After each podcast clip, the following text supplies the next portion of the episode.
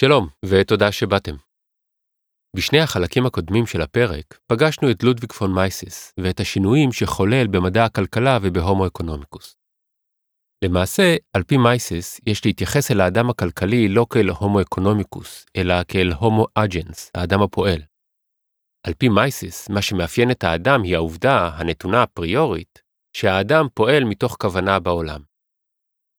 אם יש משהו שאפשר לדעת בוודאות, מבלי להניח הנחות פסיכולוגיות דמיוניות, זה שהאדם פועל, מתוך כוונה להשיג משהו שיש לו בו צורך. בעצם הפעולה של האדם הוא מעניק ערך לדברים, לדבר שהוא חושק בו ולדבר שהוא נותן עבורו. כל פעולה היא תוצאה של הכרעה בין אפשרויות שונות, מתוך כוונה לשפר את מצבו.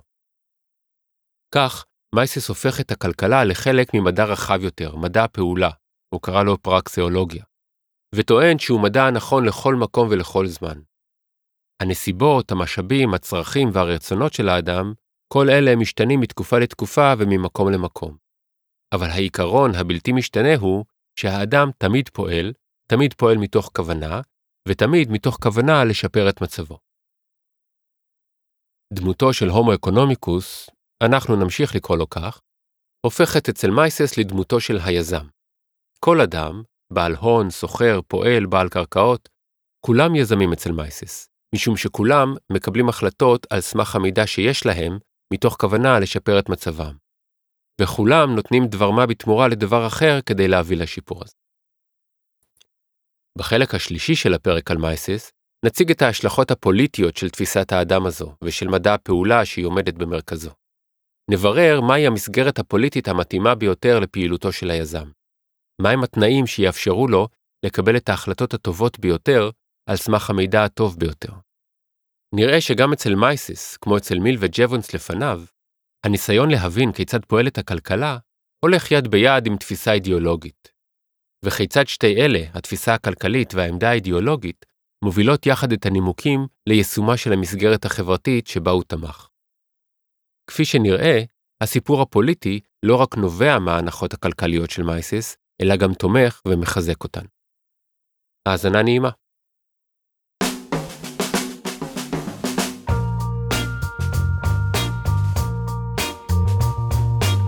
תולדות המין הכלכלי, פרק רביעי, יזמי כל העולם התאחדו, חלק ג'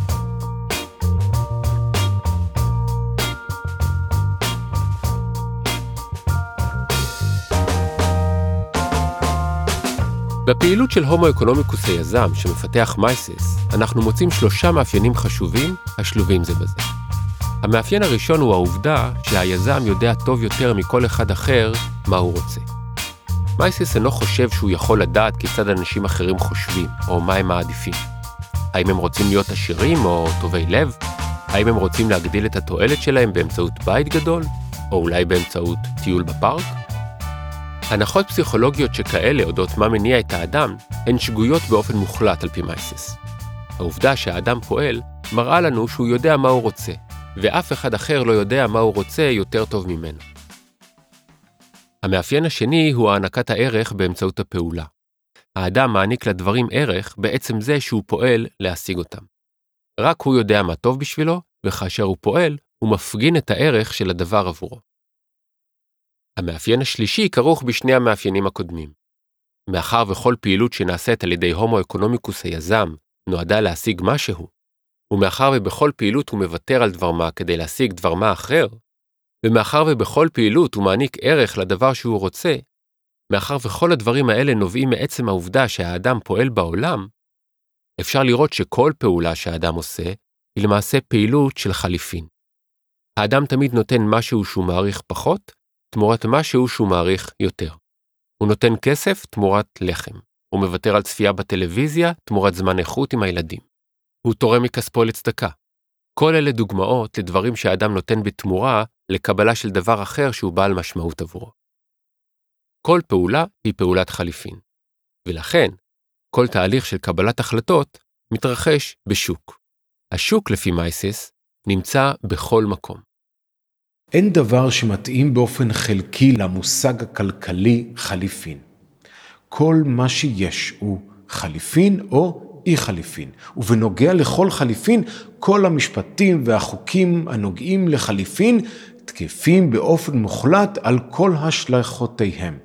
לא ניתן לעבור מחליפין לאי חליפין, או מחליפין ישיר לחליפין עקיף, ואין מציאות שיכולה לסתור את ההצהרות הללו. כאשר מייסיס מדבר על שוק או על חליפין, הוא מדגיש שכל פעולה של האדם היא תוצאה של חישוב ערכים. שוק אינו בהכרח מקום בו מחליפים מוצרים או שירותים. גם הכרעה מוסרית היא הכרעה שנובעת מתוך חישובים של משאבים מוגבלים, אלא שבמקרה של הכרעות מוסריות, החישובים הם חישובים ערכיים. אנו מבינים את מושג הפעולה כאנשים חושבים ופועלים. בעצם הבנת המושג הזה, אנו מכירים בו זמנית את המושגים הקשורים של ערך, עושר, חליפין, מחיר ועלות. כולם טבועים בהכרח במושג הפעולה, ויחד איתם גם המושגים הערכה, מידות ערך וחשיבות. מחסור, שפע, יתרון וחיסרון, הצלחה, רווח והפסד. מה שמייחד את מדע הכלכלה כביטוי ספציפי של מדע הפעולה האנושית של הפרקסיאולוגיה, הוא העיסוק של הכלכלה בפעולות שנובעות מחישובים שנעשים באמצעות מחירים. זאת בשונה למשל מתיאוריית מוסר, שעוסקת בחישובים ערכיים. היזם מתכנן את הפעילות שלו לפי המחירים הידועים לו. הם הנתון היחיד שמאפשר לו לדעת מה זול ומה יקר, מה משתלם לקנות וכמה משתלם לשלם. מחירים מאפשרים ליזם לדעת מה שווה עבורו פחות, ולכן אפשר לתת, לעומת מה ששווה לו יותר, ולכן כדאי לו לקחת. זו הסיבה שמייסיס מדגיש את החשיבות של השוק לפעילות הכלכלית. רק בשוק יש לדברים מחירים. אין שיטה המאפשרת להבנות יחידה של ערך. בחברת השוק יש מחירים המבוטאים בכסף. חישוב כלכלי הוא חישוב במונחים של מחירי כסף. החישוב הזה כולל את הכמויות השונות של הסחורות והשירותים יחד עם סכומי הכסף בהם הם נרכשים ונמכרים בשוק. ההנחה שאדם בודד המקיים את עצמו, או שמנהל כללי של מערכת סוציאליסטית, כלומר מערכת ללא שוק לאמצעי ייצור, יכולים לחשב מחירים היא הנחה מופרכת. אין שיטה המובילה מחישוב הכסף של כלכלת שוק לחישובי מחירים במערכת ללא שוק. במערכת כלכלית שאינה מבוססת על שוק, אין מחירים. אם אנשים נותנים ולא מוכרים, לדברים אין מחיר. ואם יש במערכת כזאת מחירים, הם חסרי משמעות משום שהם אינם מבטאים את הערך שהעניקו להם אחרים. לא ניתן להעניק לדברים מחירים במנותק ממערכת של שוק, משום שהמחיר של המוצר מבטא את סך כל הערכים השונים שמעניקים לו היזמים האחרים. וכך, מייסס מסיק, באופן לוגי, את המערכת הכלכלית המתאימה ביותר לניהול הכלכלה. אם חישובים כלכליים הם חישובים של מחירים, ללא מחירים לא ייתכן מדע הכלכלה. ומאחר ומחירים יכולים להתקיים רק בשוק, אחרת אין להם משמעות, הרי שהמסגרת היחידה בה ניתן בכלל לדבר על כלכלה, היא מסגרת של שוק.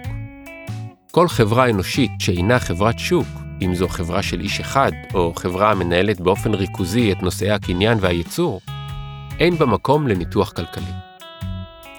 כלכלה יכולה להתקיים רק בחברה של שוק, וכאשר אנחנו מדברים על שוק, אנחנו מדברים כמובן על שוק חופשי, ללא התערבות של המדינה.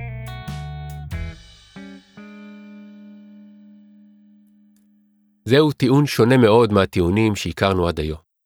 עבור מיל וג'וונס, ניהול הכלכלה באמצעות שוק היא הדרך הטובה ביותר להגדיל את סך העושר או סך התועלת בחברה. עבור הכלכלנים הבריטים הקלאסיים, מדע הכלכלה הוא מדע שנועד לעזור למקבלי ההחלטות לנהל את המדינה שלהם טוב יותר. אצל מייסס הכלכלה משחקת תפקיד שונה לחלוטין.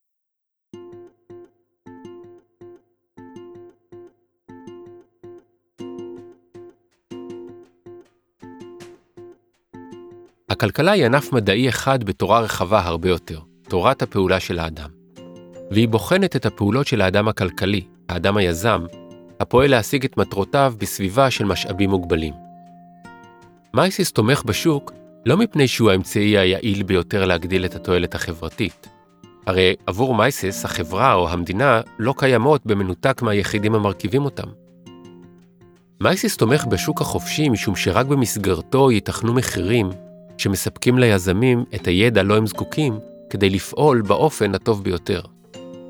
שוק חופשי ללא הגבלות או התערבויות מאפשר למחירים להיות נשאי המידע החשוב ביותר עבור היזם כאשר הוא ניגש לקבל החלטה כלכלית. השוק הוא המסגרת החברתית הנכונה ביותר עבור היחיד. מי שביטא היטב את הרעיון הזה היה תלמידו של מייסיס, פרידריך הייק. הייק היה משתתף קבוע בחוג של מייסיס בווינה, ומי שעזר להפיץ את הרעיונות של מייסיס בעולם. ב-1945 הוא מפרסם מאמר בשם ידע וחברה, ובו הוא מתאר את המחירים כמנגנון להעברת מידע בין אנשים. הבעיה המהותית של הכלכלה, הוא אומר, היא שלאנשים אף פעם אין מספיק מידע כדי לקבל את ההחלטה הנכונה ביותר עבורם. אף אחד, אף פעם, לא יכול לדעת ולהכיר את כל המשתנים שיש להם השפעה על ההחלטה שלו. המידע של היזם הוא תמיד מידע חסר. כדי להקל על הבעיה הזו, צריך מערכת מחירים יעילה. מחירים נושאים איתם מידע חשוב על העדפות של האחרים, על האחרים שאחרים העניקו לדברים. במובן הזה, טוען הייק, מחירים הם המנגנון הטוב ביותר להפצת המידע החשוב ליזם כאשר הוא מקבל החלטה כלכלית. הנה מה שהוא אומר.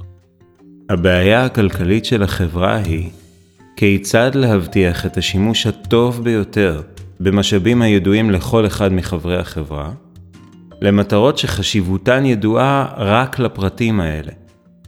או בקיצור, מדובר בבעיה של ניצול ידע שלא ניתן לאף אחד בכללותו.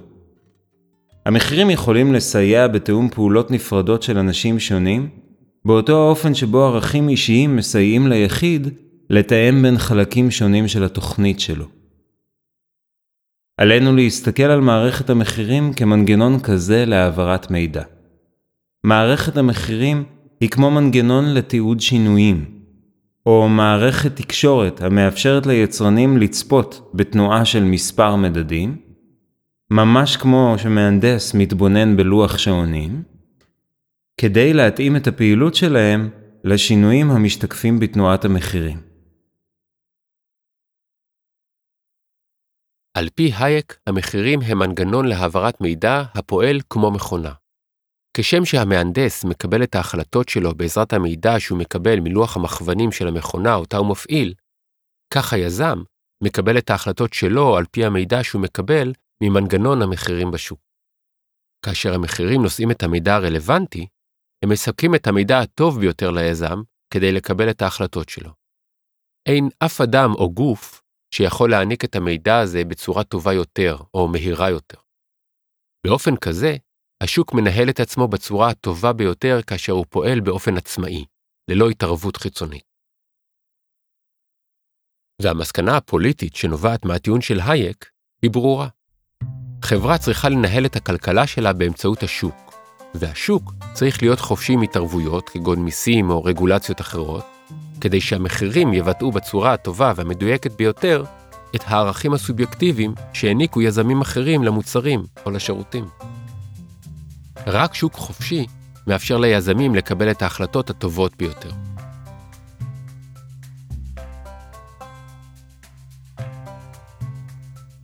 אבל שוק חופשי הוא לא רק שוק שלא מפריע למחירים לבטא את ערכם של המוצרים הנסחרים בו.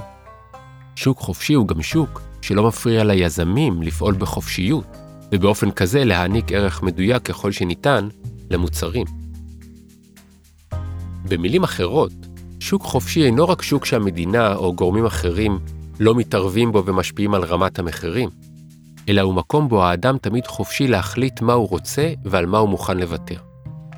רק כאשר מתקיימים שני התנאים הללו, יבטאו המחירים בצורה המדויקת ביותר את ערכם של המוצרים והשירותים הנסחרים בשוק. וכך יעניקו ליזמים את המידע שהם זקוקים לו כדי לקבל את ההחלטות שלהם. וכך, מדע הפעולה של מייסס והניתוח הכלכלי שלו מוביל אותו לתמיכה בלתי מתפשרת בעקרון חירות הפרט.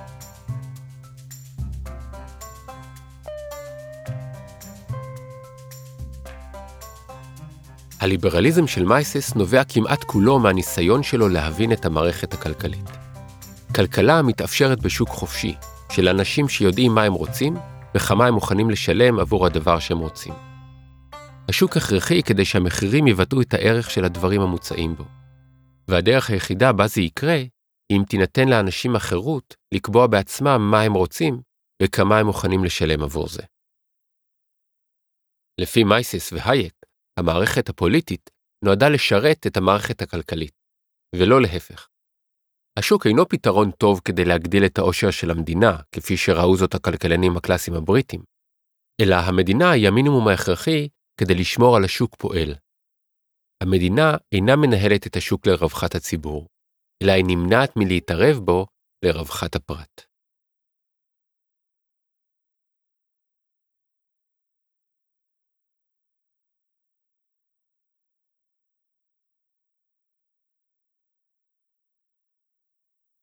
את ההסתייגות של מייסיס מהמדינה ומהכוח שהיא מפעילה על הציבור אפשר להבין לאור המציאות ההיסטורית בה הוא חי. מאז שסיים את שירותו הצבאי, פטריוט גאה של הקיסרות האוסטרית המאמין בכוחה של המדינה לספק את הצרכים של נתיניה, מייסיס היה עד לאירועים היסטוריים שגרמו לו לשנות את דעתו, ולפקפק בכוחו של הציבור להחליט מה טוב עבור היחידים אותם הוא מתיימר לייצג. שני אירועים בולטים במיוחד התרחשו במרכז וינה והותירו עליו רושם עז. ב-29 לנובמבר 1905 יצאו רבע מיליון פועלים לרחובות וינה. מייסס צפה בהם מחלון משרדו, צועדים בשורות ישרות, כמו חיילים, לאורך הרינגשטרסה, מאורגנים להפליא על ידי ראשי המפלגה הסוציאליסטית וארגוני העובדים. הם הפגינו אל מול הפרלמנט האוסטרי, וזאת בניגוד מפורש לחוק האוסר על הפגנות בשעת דיונים פרלמנטריים. הם דרשו להעניק זכות הצבעה לפועלים, ולא להשאיר אותה רק לבעלי הקרקעות. ההפגנה הותירה רושם מר אצל מייסיס. באותו הערב הוא פגש בבית הקפה את עמיתו הסוציאליסט אוטו באואר, שצהל על עוצמת היד שהפגין מעמד הפועלים. מייסיס היה מוטרד, וביקש לדעת מה עמיתו חושב על כך שרבע מיליון אנשים מעזים להפר בצורה כה בוטה את החוק. מה יקרה כאשר מפלגה אחרת תנסה לעשות משהו דומה? האם לא יביא הדבר למלחמת אחים? תשובתו של באואר הייתה מפתיעה בעוצמתה. רק בורגני שאינו מבין שהעתיד שייך לנו יכול לשאול שאלה שכזו. מהיכן תופיע מפלגה כזו? מפלגה שתעז להתעמת עם הפרולטריון המאורגן. מהרגע שנעלה לשלטון לא תהיה יותר התנגדות. עשרים שנים מאוחר יותר, היה מייסיס עד לאירוע אלים נוסף שהיה קשור למפלגת הפועלים והתרחש גם הוא מתחת לחלונו.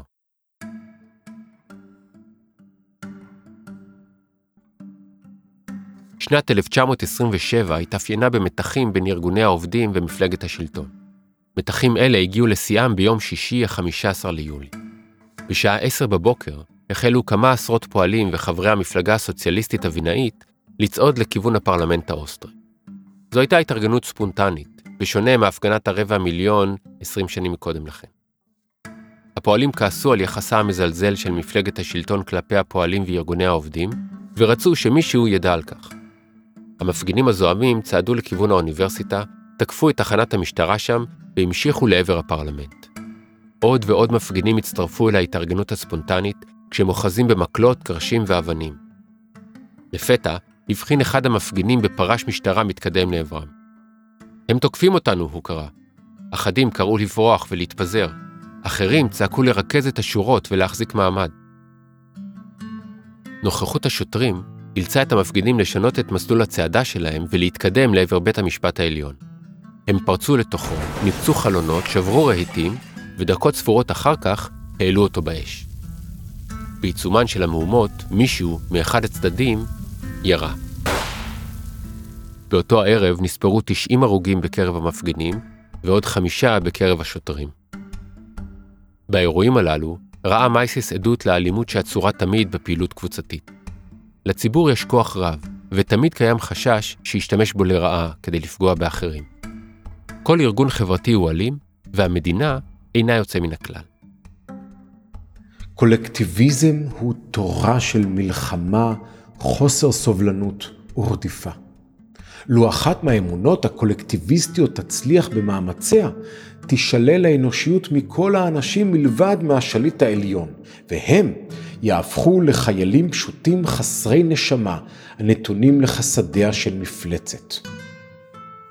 ולכן, חייבים לצמצם ככל הניתן את הכוח של המדינה, ולנתב את השימוש באלימות רק לשמירה על חירות הפרט.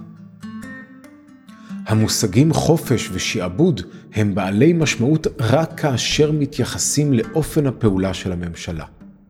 ככל שהממשלה, המנגנון החברתי של כפייה ודיכוי, מגבילה את הפעלת האלימות שלה ואת האיום באלימות כזו לדיכוי ולמניעה של פעולה אנטי-חברתית, שוררת חירות במובן סביר ומשמעותי. כפייה כזו אינה מגבילה באופן מהותי את כוחו של האדם לבחור. עם זאת, אם הממשלה עושה יותר מאשר להגן על אנשים מפני תוקפנות אלימה או הונאה מצד יחידים אנטי-חברתיים, היא מצמצמת את תחום החופש של הפרט לפעול. לפיכך, אנו יכולים להגדיר את החירות כמצב עניינים שבו שיקול הדעת של הפרט לבחור אינו מוגבל על ידי אלימות שלטונית. אם יש תפקיד לחברה, הוא אחד, לשמור על הפרט. לא יותר מזה. הפרט, כפי שראינו, הוא היזם, האדם הכלכלי. המערכת הפוליטית נועדה לשמור על התנאים שמאפשרים את קיומו של שוק חופשי, בו הומו אקונומיקוס יכול לבטא את האנושיות שלו, לפעול, ללא חשש ובצורה אופטימלית. כאשר מבינים את ארגון החברה בצורה כזו, לא מפתיע לגלות שבאותה התקופה מתחיל גם השימוש במושג ריבונות הצרכן. המושג ריבונות הצרכן אינו מתייחס לכך שהצרכן תמיד צודק, כפי שאולי אנחנו מתייחסים אליו היום, אלא לכך שהצרכן הוא הומו אקונומיקוס, הוא הריבון. הכלכלה ניצבת מעל המסגרת הפוליטית. עמדה זו שונה מהעמדה הליברלית הקלאסית, הרואה באזרח הפוליטי את הריבון, ובמסגרת הפוליטית כמארגנת את המסגרת הכלכלית. אצל מייסיס, דמוקרטיה היא דמוקרטיה של צרכנים, לא בגלל שהחברה היא צרכנית, כמו אצל ובלן למשל, אלא משום שתפקידו של הארגון החברתי הוא לאפשר לאנשים לפעול באופן חופשי כדי להשיג את מה שהם צריכים, או במילים אחרות, כדי להיות צרכנים. תחרות חופשית מאלצת את היצרן לציית לרצון הצרכן וגם, במקרה הצורך, להעביר אמצעי ייצור מידיהם של אלה שלא רוצים או לא מסוגלים להשיג את מה שהצרכן דורש, לידיהם של אלה המסוגלים לייצר זאת. השליט של הייצור הוא הצרכן. מנקודת מבט זו, החברה הקפיטליסטית היא דמוקרטיה, שבה כל פני הוא פתק הצבעה. סדר כזה הוא סדר ליברלי מסוג חדש, או בשמו המוכר יותר, ניאו-ליברליזם. אוקיי, אז המסגרת הפוליטית צריכה לשרת את השוק, משום שהצרכנים הם הריבונים, ואת ההכרעות הם מבטאים באמצעות הכסף שלהם. אבל עכשיו עולה השאלה, מה היו הגבולות של המסגרת הפוליטית הזו?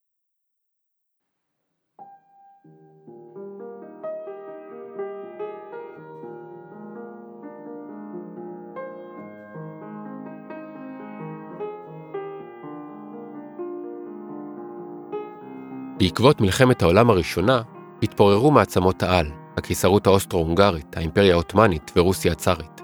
ובמקומן קמו מדינות רבות, לדוגמה פולין, ליטא, לטביה, גיאורגיה, פינלנד, צ'כוסלובקיה, יוגוסלביה. העיקרון שעמד בבסיס הקמתן של המדינות הללו היה עיקרון ההגדרה העצמית. לפי העיקרון הזה, יש להעניק ללאומים השונים את הזכות לקבוע את גורלם בעצמם, באמצעות מסגרת פוליטית עצמאית ודמוקרטית. אבל יחד עם האופטימיות שבהקמת ישויות לאומיות חדשות, שטף את העולם שפל כלכלי. בתחילה היו אלה ההשלכות של המלחמה, ולאחר מכן, ב-1929, הייתה זו נפילת הבורסה האמריקאית שהובילה את העולם לשפל הכלכלי הגדול. ההשפעה הגלובלית שהייתה לנפילה של הבורסה האמריקאית היוותה הוכחה על התלות הכלכלית ההדוקה בין מדינות העולם. אבל יותר מלחשוף את התלות הזו, היא עוררה שאלות אודות התפקיד שיש למדינה בניהול הכלכלה. מדינות הוקמו מתוך נימוק לאומי, לא נימוק כלכלי.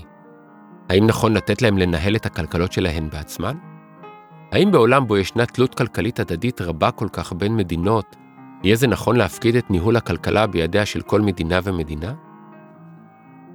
מלחמת העולם השנייה והשאיפה לסדר עולמי חדש שהתעוררה בעקבותיה, הוסיפו ממד חדש לדיון הזה.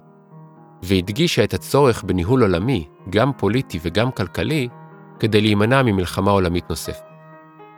האו"ם, הבנק העולמי וקרן המטבע הבינלאומית הם חלק מהגופים הבינלאומיים החדשים שהוקמו כדי לעודד שיתוף פעולה ועזרה הדדית ולהקטין את החיכוכים והמתחים בין מדינות העולם. סוגיית הארגון העולמי הכלכלי הייתה חשובה במיוחד, ולכן, בנוסף להקמתם של הגופים הכלכליים הבינלאומיים, הוחלט להצמיד את ערכם של כל המטבעות, של כל המדינות, לדולר האמריקאי. המשמעות לצעד כזה היא שכאשר הדולר האמריקאי מתחזק, גם המטבעות האחרים מתחזקים. וכאשר הוא מאבד מערכו, גם האחרים מאבדים מערכם. מבלי להיכנס לשיקולים שהביאו להחלטה הזו, התוצאה שלה הייתה ברורה. הכלכלה האמריקאית זכתה לעליונות ברורה ביחס לכלכלות של המדינות האחרות. הכלכלות של כל המדינות הפכו להיות תלויות בדולר.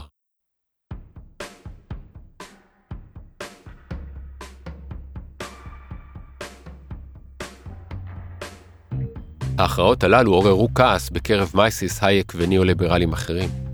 לא הכלכלות של המדינות השונות הן החשובות, אלא מצבם הכלכלי של היחידים המרכיבים אותן. ולהכפיף את כלכלותיהן של המדינות כולם לכלכלה של מדינה אחת? הרי הצרכן הוא הריבון, לא הדולר. מייסיס והייק התנגדו בנחרצות להקמתם של הבנק העולמי וקרן המטבע הבינלאומית. הם תפסו את הגופים הללו כארגונים פוליטיים שמטרתם הייתה לנהל את הכלכלה העולמית, בעוד שהם האמינו שיש לתת לשוק לפעול באופן נקי וללא התערבות.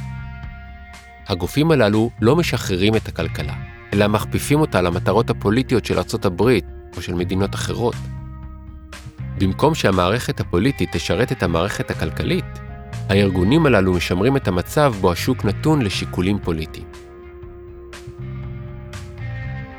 בשנת 1944 מפרסם הייק את ספרו המפורסם ביותר, הדרך לשיעבוד. בספר הוא כותב את הדברים הבאים: אין אנו יכולים לקוות לסדר או לשלום יציב אחרי המלחמה הזאת, אם מדינות, בין גדולות ובין קטנות, תשבנה להן את הריבונות ללא כל סייגים בתחום הכלכלי. בניגוד גמור לדעה שרבים מחזיקים בה עכשיו, אין לנו צורך ברשות כלכלית בינלאומית שתאפשר כביכול למדינות לשמור על ריבונות מדינית ללא הגבלה. כמעט ההפך מזה הוא הנכון. הדבר שאנחנו צריכים ויכולים לקוות לו, איננו תוספת כוח בידי רשויות כלכליות בינלאומיות חסרות אחריות, אלא אדרבה, כוח מדיני עליון שיוכל לרסן את האינטרסים הכלכליים. הסמכויות שצריך למסור לידי רשות בינלאומית אינן הסמכויות החדשות שנטלו המדינות לידיהן בתקופה האחרונה, אלא אותו מינימום של סמכויות שבלעדיו אין לשמור על יחסי שלום, שבעיקרו של דבר הן סמכויות המדינה האולטרה-ליברלית המיוסדת על חופש כלכלי מלא. רשות בינלאומית המגבילה בהצלחה את סמכויותיה של המדינה לגבי הפרט, תהיה אחת הערובות הטובות ביותר לשלום. מייסיס והייק תמכו עקרונית בארגון הכלכלה ברמה הבינלאומית. אבל לדעתם, סדר הדברים צריך להיות הפוך. ראשית, הסדר הכלכלי, להסיר את החסמים ולאפשר תנועה חופשית של סחורות, מידע ואנשים. רק כך יוכלו המחירים להעביר את המידע באופן מדויק ואמין, ורק לאחר מכן, סדר מדיני. ריבונות הצרכן היא מושג בינלאומי, לעומת ריבונות האזרח, שהיא מושג לאומי. האדם הפוליטי אולי כבול למדינה, אבל האדם הכלכלי צריך להיות חופשי ממנה. כדי לשחרר את היזם ולהשאיר לו את החירות לקבוע ולהחליט מה טוב בשבילו, צריך לשמור על מערכת כלכלית גלובלית משוחררת משיקולים פוליטיים מדיניים. השוק החופשי צריך להיות עולמי, ללא גבולות. צריך לאפשר לאנשים, לסחורות, להון, לכסף, לעבור ממקום למקום, ממדינה למדינה, באופן חופשי וללא הפרעה. רק מערכת כלכלית גלובלית שכזו תאפשר לכל אחד מאיתנו, הומו אקונומיקוס עם יזמים שכמונו, לקבל את ההחלטה הטובה ביותר עבורנו.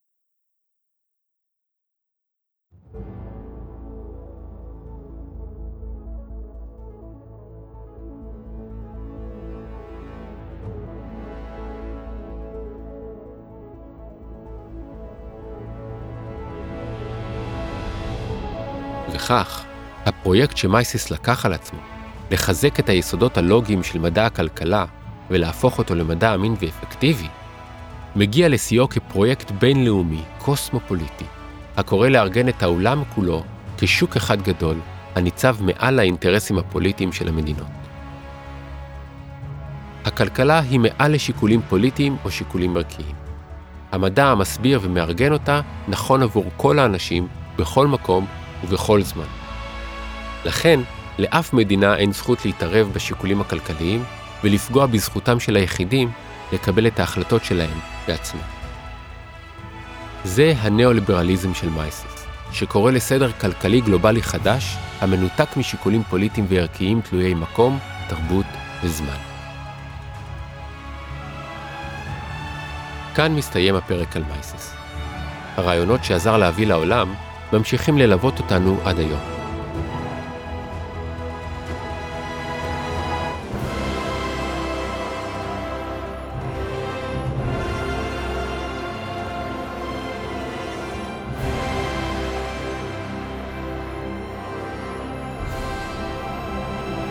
אבל רגע לפני שנסיים, חשוב להזכיר עוד שם אחד. הפעם שם של אישה, אישה שמאמינה ברעיונות הליברליים של מייסס, אבל מעניקה להם נופח חדש ודרמטי. השינוי המעניין הזה מתרחש בארצות הברית לאחר מלחמת העולם השנייה. הוא לוקח את הרעיונות של מייסס למקום שמייסס מעולם לא התכוון שיגיעו אליו, ומזכיר לנו שלרעיונות יש חיים משל עצמם. מייסיס, כפי שראינו, מנתק את הכלכלה משיקולים מוסריים או נורמטיביים.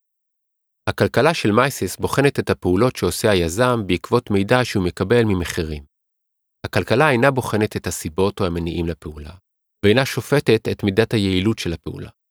וכמובן, שהיא אינה שופטת את הפעולה מבחינה ערכית, האם היא ראויה או בלתי ראויה, האם כך צריך לנהוג או שיש להימנע מפעילות שכזו.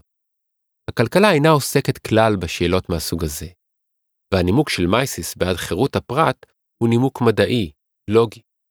חירות הפרט נחוצה משום שהאדם הוא יצור פועל. והאדם הוא יצור פועל משום שזה מה שאנחנו יודעים עליו, לא כי אנחנו חושבים שכך צריך להיות. אבל יש מי שלקחה את הרעיון הזה, הרעיון של האדם היזם, והעניקה לו מימד מוסרי. הייתה זו הסופרת והפילוסופית איין רנד. רנד הכירה את מייסס והייק, גם ברמה הרעיונית וגם ברמה האישית.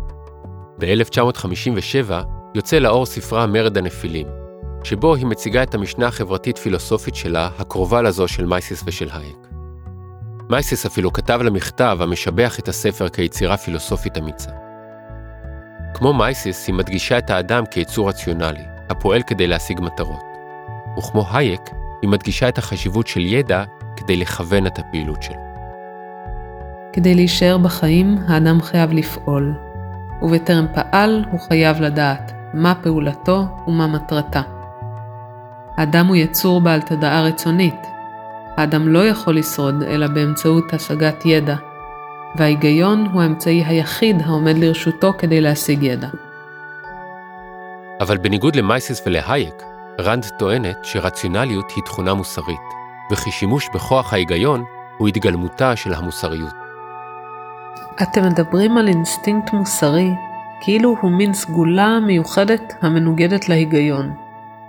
ההיגיון של האדם הוא-הוא כושרו המוסרי. תהליך רציונלי הוא תהליך מוסרי. החשיבה היא הסגולה הבסיסית והיחידה של האדם, שממנה נובעות כל היתר. שלמות מוסרית היא רציונליות בלתי מופרת. וכך, מעניקה רנד לדמות היזם של מייסס את הגושפנקה המוסרית שמייסס נמנע מלהעניק לו. הומו אקונומיקוס היזם הוא לא רק הביטוי של האדם בעולם, אלא הוא גם הביטוי המוסרי של האדם בעולם. פעילות החליפין המאפיינת אותו היא הפעילות הראויה הן בעולם הכלכלי והן בעולם המוסרי. סמלו המוסרי של הכבוד לכל בני אדם הוא הסוחר. סוחר הוא אדם שמרוויח את מה שהוא מקבל, ואיננו נותן או לוקח מה שאינו מגיע לו. בדיוק כפי שהוא אינו נותן את עבודתו, אלא בתמורה לערכים חומריים, כך הוא אינו נותן את ערכי רוחו, את אהבתו, את ידידותו ואת הערכתו, אלא כתשלום וכתמורה לסגולות אנושיות. ולכן המסגרת הפוליטית היחידה הראויה מבחינה מוסרית, ולא רק כלכלית, היא מסגרת שתפקידה היחיד הוא להגן על חירות הפרט. אנחנו נשקם את המערכת של אמריקה על בסיס ההנחה המוסרית שהייתה היסוד שלה. הנחת היסוד שהאדם הוא מטרה בפני עצמה, ולא אמצעי להגשמת מטרותיהם של אחרים. שהחיים שלו, החופש שלו, האושר שלו, שייכים לו מכוחה של זכות בלתי ניתנת לשלילה. לממשלה יש רק מטרה ראויה אחת, והיא להגן על זכויותיו של האדם, כלומר, להגן עליו מפני אלימות פיזית. האדם הסוחר, היזם או הצרכן, זה שפועל כדי להשיג את מה שהוא רוצה על ידי כך שהוא נותן תמורתו את מה שהוא צריך פחות, הוא לא רק ביטוי של האדם הכלכלי, אלא הוא ביטוי של האדם המוסרי. רנד הופכת את התיאור האפריורי של האדם, האקסיומה עליה חשב מייסיס לתיאור הפעילות הכלכלית, לביטוי נורמטיבי אולטימטיבי. אבל בעוד שעבור מייסיס חירות הפרט וחופש הפעולה הם פועל יוצא של מתודולוגיה מדעית, עבור רנד חירות הפרט וחופש הפעולה הם עקרונות אידיאולוגיים, נורמטיביים, שנושאים ציווי מוסרי. האם ניתן להפריד שיקולים כלכליים מתפיסה מוסרית? מייסיס השתדל בכל הכוח לעשות זאת. הוא ביקר את קודמיו, את מיל, את ואחרים, בדיוק על הנקודה הזו. והנה דווקא אצלו, הקשר נראה הדוק באופן טבעי כל כך. הביקורת העיקרית על מייסיס הייתה על השיטה שלו, על גישתו האפריורית. מבקריו טענו שגישה כזו מובילה בהכרח לדוגמטיות. תומכיו טענו שמייסיס היה אביר הליברליזם האחרון בדורו, ושהוא הגן בחירוף נפש על עקרון החירות. אנחנו נמשיך לספר את הסיפור של הומו אקונומיקוס, ונראה לאן הוא ייקח אותנו בפעם הבאה.